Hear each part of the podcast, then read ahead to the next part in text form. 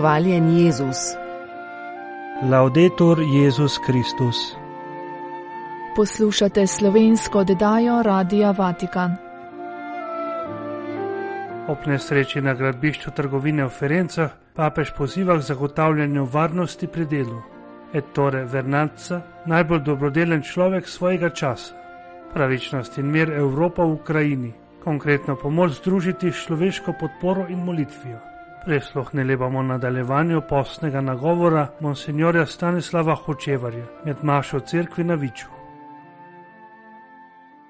Sveti oče izraža duhovno bližino in sožalje svojcem žrtev nesreče na gradbišču trgovine v Firencah, hkrati poziva k večjemu prizadevanju za varnost delavcev. Tragična nesreča se je zgodila v petek 16. februarja na obrobju Firenc. Na gradbišču, kjer so gradili trgovino, se je zrušil oporni zid. Po zadnjih podatkih so življenje izgubili štirje ljudje, trije so ranjeni, eno osebo pa še pogrešajo. Sožalni telegram je v papeževem imenu podpisal kardinal Pietro Parolin in ga poslal firenškemu načkofu metropolitu kardinalu Giuseppeju Betoreju. Papež, ki prav tako izraža bližino vsem prebivalcem glavnega toskanskega mesta, obnavlja poziv k varnosti na krajih dela in upa na večje prizadevanje tistih, ki so odgovorni za zaščito delavcev. Zahvaljuje se vsem, ki v nesreči pomagajo, ter zagotavlja svojo očitovsko molitev in vsem pošilja apostolski blagoslov kot znamenje duhovne bližine. Letos mineva 500 let od smrti Toreja Vernaca iz Genove, ki ga je zgodovinar Federico Donaver opisal kot najbolj dobrodelnega človeka svojega časa. Ob tej priložnosti se je v Genovi 27. junija lani začelo jubilejno leto zaznamovano z različnimi verskimi in kulturnimi prireditvami. Te osvetljujejo lik notarja, očeta treh črk, ki je po ženini smrti svoje življenje posvetil bolnim in odrinjenim na rob družbe. Umrl je 27. junija 1524, potem ko se je med služenjem bolnikom s kugo tudi samo kužil s to boleznijo. Bil je zelo dejaven na različnih področjih, najbolj znan pa je po ustanovitvi bolnišnice za neozdravljivo bolne. V tistem času so bili to predvsem bolniki s sifilisom, ki se je v času vojn vse bolj širil. Ker za te bolnike zdravljenje ni bilo predvideno, jih niso sprejemali v bolnišnice, pogosto pa so jih zaradi njihovega fizičnega stanja, to je iznakaženosti in neprijetnega vonja, izgnali iz njihovih domov, tako da so morali živeti na ulici. Prav za nje je vrnaca prek bratovščine oziroma družbe Božje ljubezni ustanovil bolnišnico.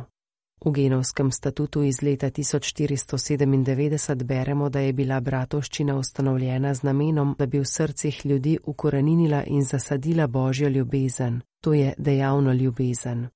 Tudi vrnaca je želel biti skupaj so brati ponižno orodje v služenju drugim, ki so bili najbolj zapuščeni, to so bili takrat neozdravljivo bolni.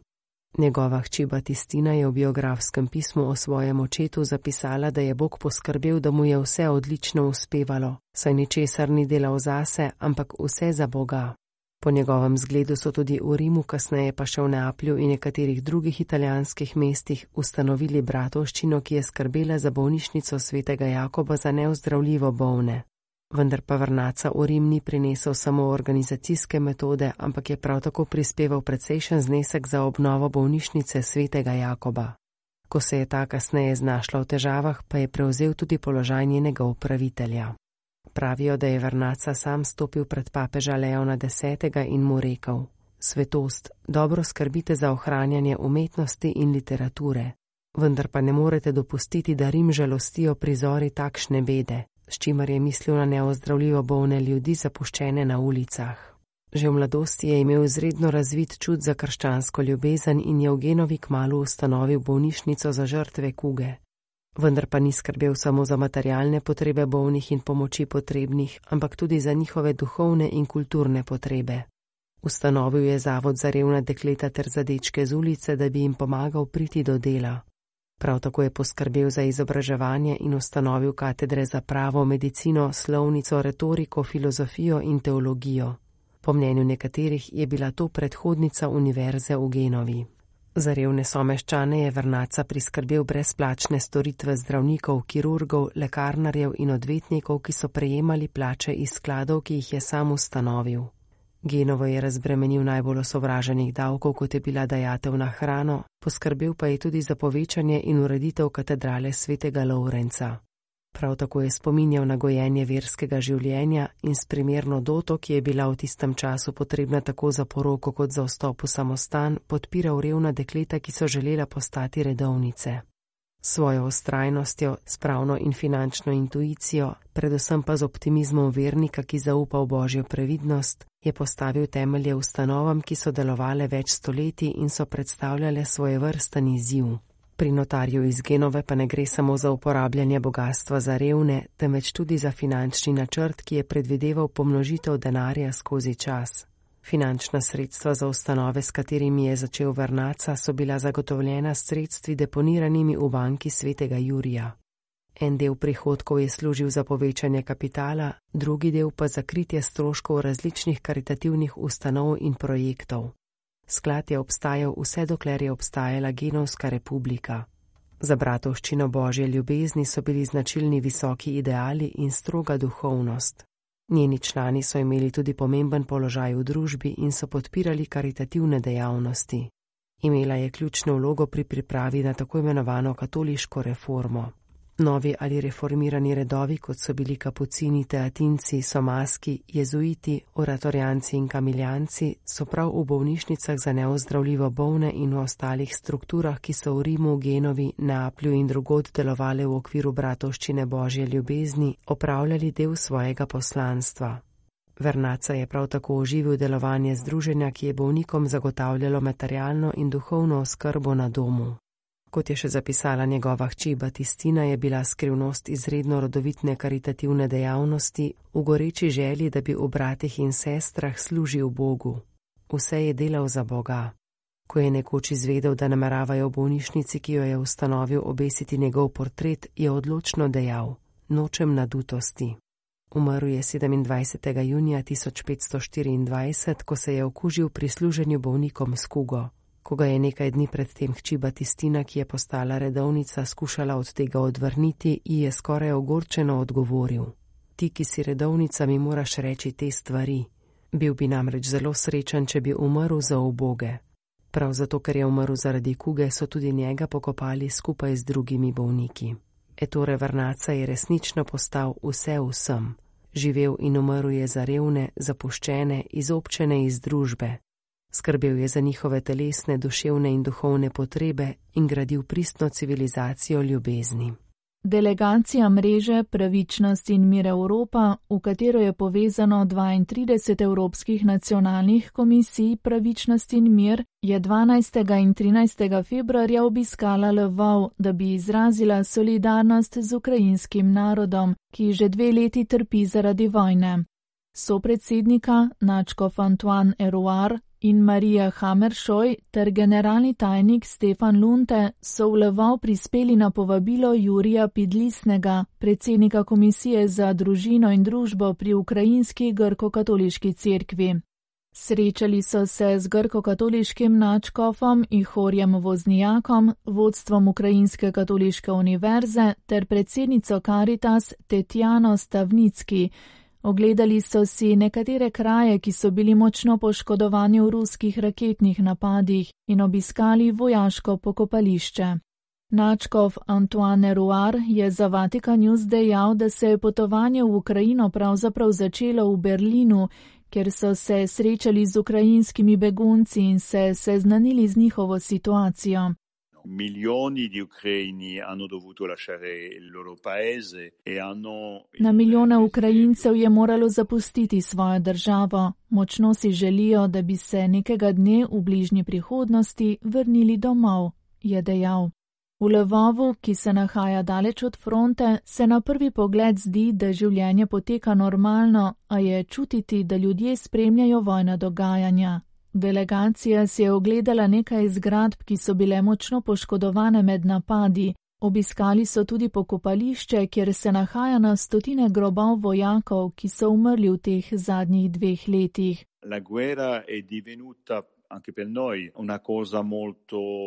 S tem obiskom je vojna tudi za nas postala zelo konkretna stvar. To ni neka ideja, ni politični boj, ampak je življenje in smrt ljudi, je dejal Načkov in dodal, da se ga je obisk pokopališča močno dotaknil. Ob koncu dneva, ko se ljudje vračajo iz služb, se na poti doma ustavijo na pokopališču in molijo ob grobu poznane osebe. Močno pa se ga je dotaknilo tudi srečanje z ljudmi. Vsi so jim namreč povedali, da njihovo zauzemanje za zmago Ukrajine in boj za svobodo, demokracijo, pravno državo in vrednote, ki jih poskušajo spodbujati in živeti v svoji državi, ne more iti nazaj in bo torej njihov boj trajal, dokler država ne bo osvobojena. Čeprav se vsakdanje življenje ljudi na prvi pogled zdi skoraj normalno, pa se čuti, da življenje ni takšno, kot je bilo prej. V Lvovu, ki je pred vojno bilo zelo turistično mesto, sedaj ni nobenega turista. Stalna pa je tudi nevarnost bombardiranja, Načkov je dodal, da so jim ob prihodu najprej pokazali, kje je zaklonišče, šele na to, kje bodo spali. Vojna je torej nenehno prisotna v življenju ljudi. O tem, kaj ljudje najbolj potrebujejo, je Načkov Feruar dejal, da čeprav Ukrajina potrebuje zelo konkretno pomoč, pa so človeška podpora, bližina, molitev in bratstvo v tem času zelo pomembni. Caritas eh, aveva un lavoro enorme, un'organizzazione. Kljub temu, da Caritas veliko dela in je zelo dobro organizirana, potrebe ostajajo zelo velike. 40 odstotkov prebivalcev je moralo zapustiti svoje domove, mnogi so zapustili Ukrajino in odšli kot begunci v druge evropske države. Veliko je tudi notranje razseljenih ljudi, ki so prej živeli na vzhodu in so morali oditi na zahod. Potrebujejo materialno pomoč, hrano, prostore za bivanje, potrebujejo pa tudi psihološko pomoč, človeško pomoč, saj je travma za številne ljudi zelo huda. Karitas je izračunala, da je v zadnjih dveh letih pomagala več kot trem milijonom ljudi. To je ogromno, zato pri tem humanitarnem vidiku potrebujejo tudi pomoč drugih držav. Na vprašanje, kako končati vojno z Ukrajino, je Načkov odgovoril, da je situacija zelo težka, saj iz človeškega vidika ni videti konca. Penso che tutte le pressioni che sono state fatte dai paesi occidentali. Mislim, da so zahodne države na Rusijo izvajale vse možne pritiske, tako diplomatske kot gospodarske, in to je pomembno. Naši ukrajinski prijatelji so nam rekli naj nadaljujemo, vendar lahko vidite, da sta prihodnost vojne in možnost iskanja poti do miru odvisna tudi od voditeljev. Zato je to tudi poziv vesti, tako ne moremo nadaljevati. Na odločnost Ukrajincev, ki smo jo zelo močno občutili, se moramo odzvati, morda tako, da Ruse prosimo naj spoštujejo dostojanstvo in celovitost sosednje države, je še dejal Načkov. Pred obiskom delegacije Pravičnost in mir Evropa v Ukrajini pa so se od 9. do 11. februarja v Berlinu zbrali nacionalni generalni tajniki Komisiji Pravičnost in mir. Med drugim so se srečali z begunci iz Ukrajine in organizacijami, ki jim nudijo pomoč in podporo. Pred ruskim veleposlaništvom v Berlinu so molili za mir ter v krajevni ukrajinski grko-katoliški župniji obhajali sveto mašo. Kot so zapisali v sklepnem poročilu, je zaradi napada Rusije na Ukrajino bilo šest milijonov ljudi prisiljenih zapustiti domovino in poiskati zatočišče v tujini, več kot tri in pol milijona ljudi pa je notranje razseljenih. Po dveh letih vojne Rusija še naprej povzroča trpljenje ukrajinskemu prebivalstvu in seje smrt. Ukrajinci tvegajo svoje življenja tudi za svobodo in varnost preostale Evrope. Imamo moralno dolžnost, da razširimo svojo pomoč in zaščitimo njihova življenja, piše v poročilu. Zelo pozdravljamo odločitev Evropskega sveta, da začne pogajanja z Ukrajino o članstvu v Evropski uniji. Upamo, da bo ta proces pripeljal tudi do krepitve kulturnih, gospodarskih in osebnih odnosov.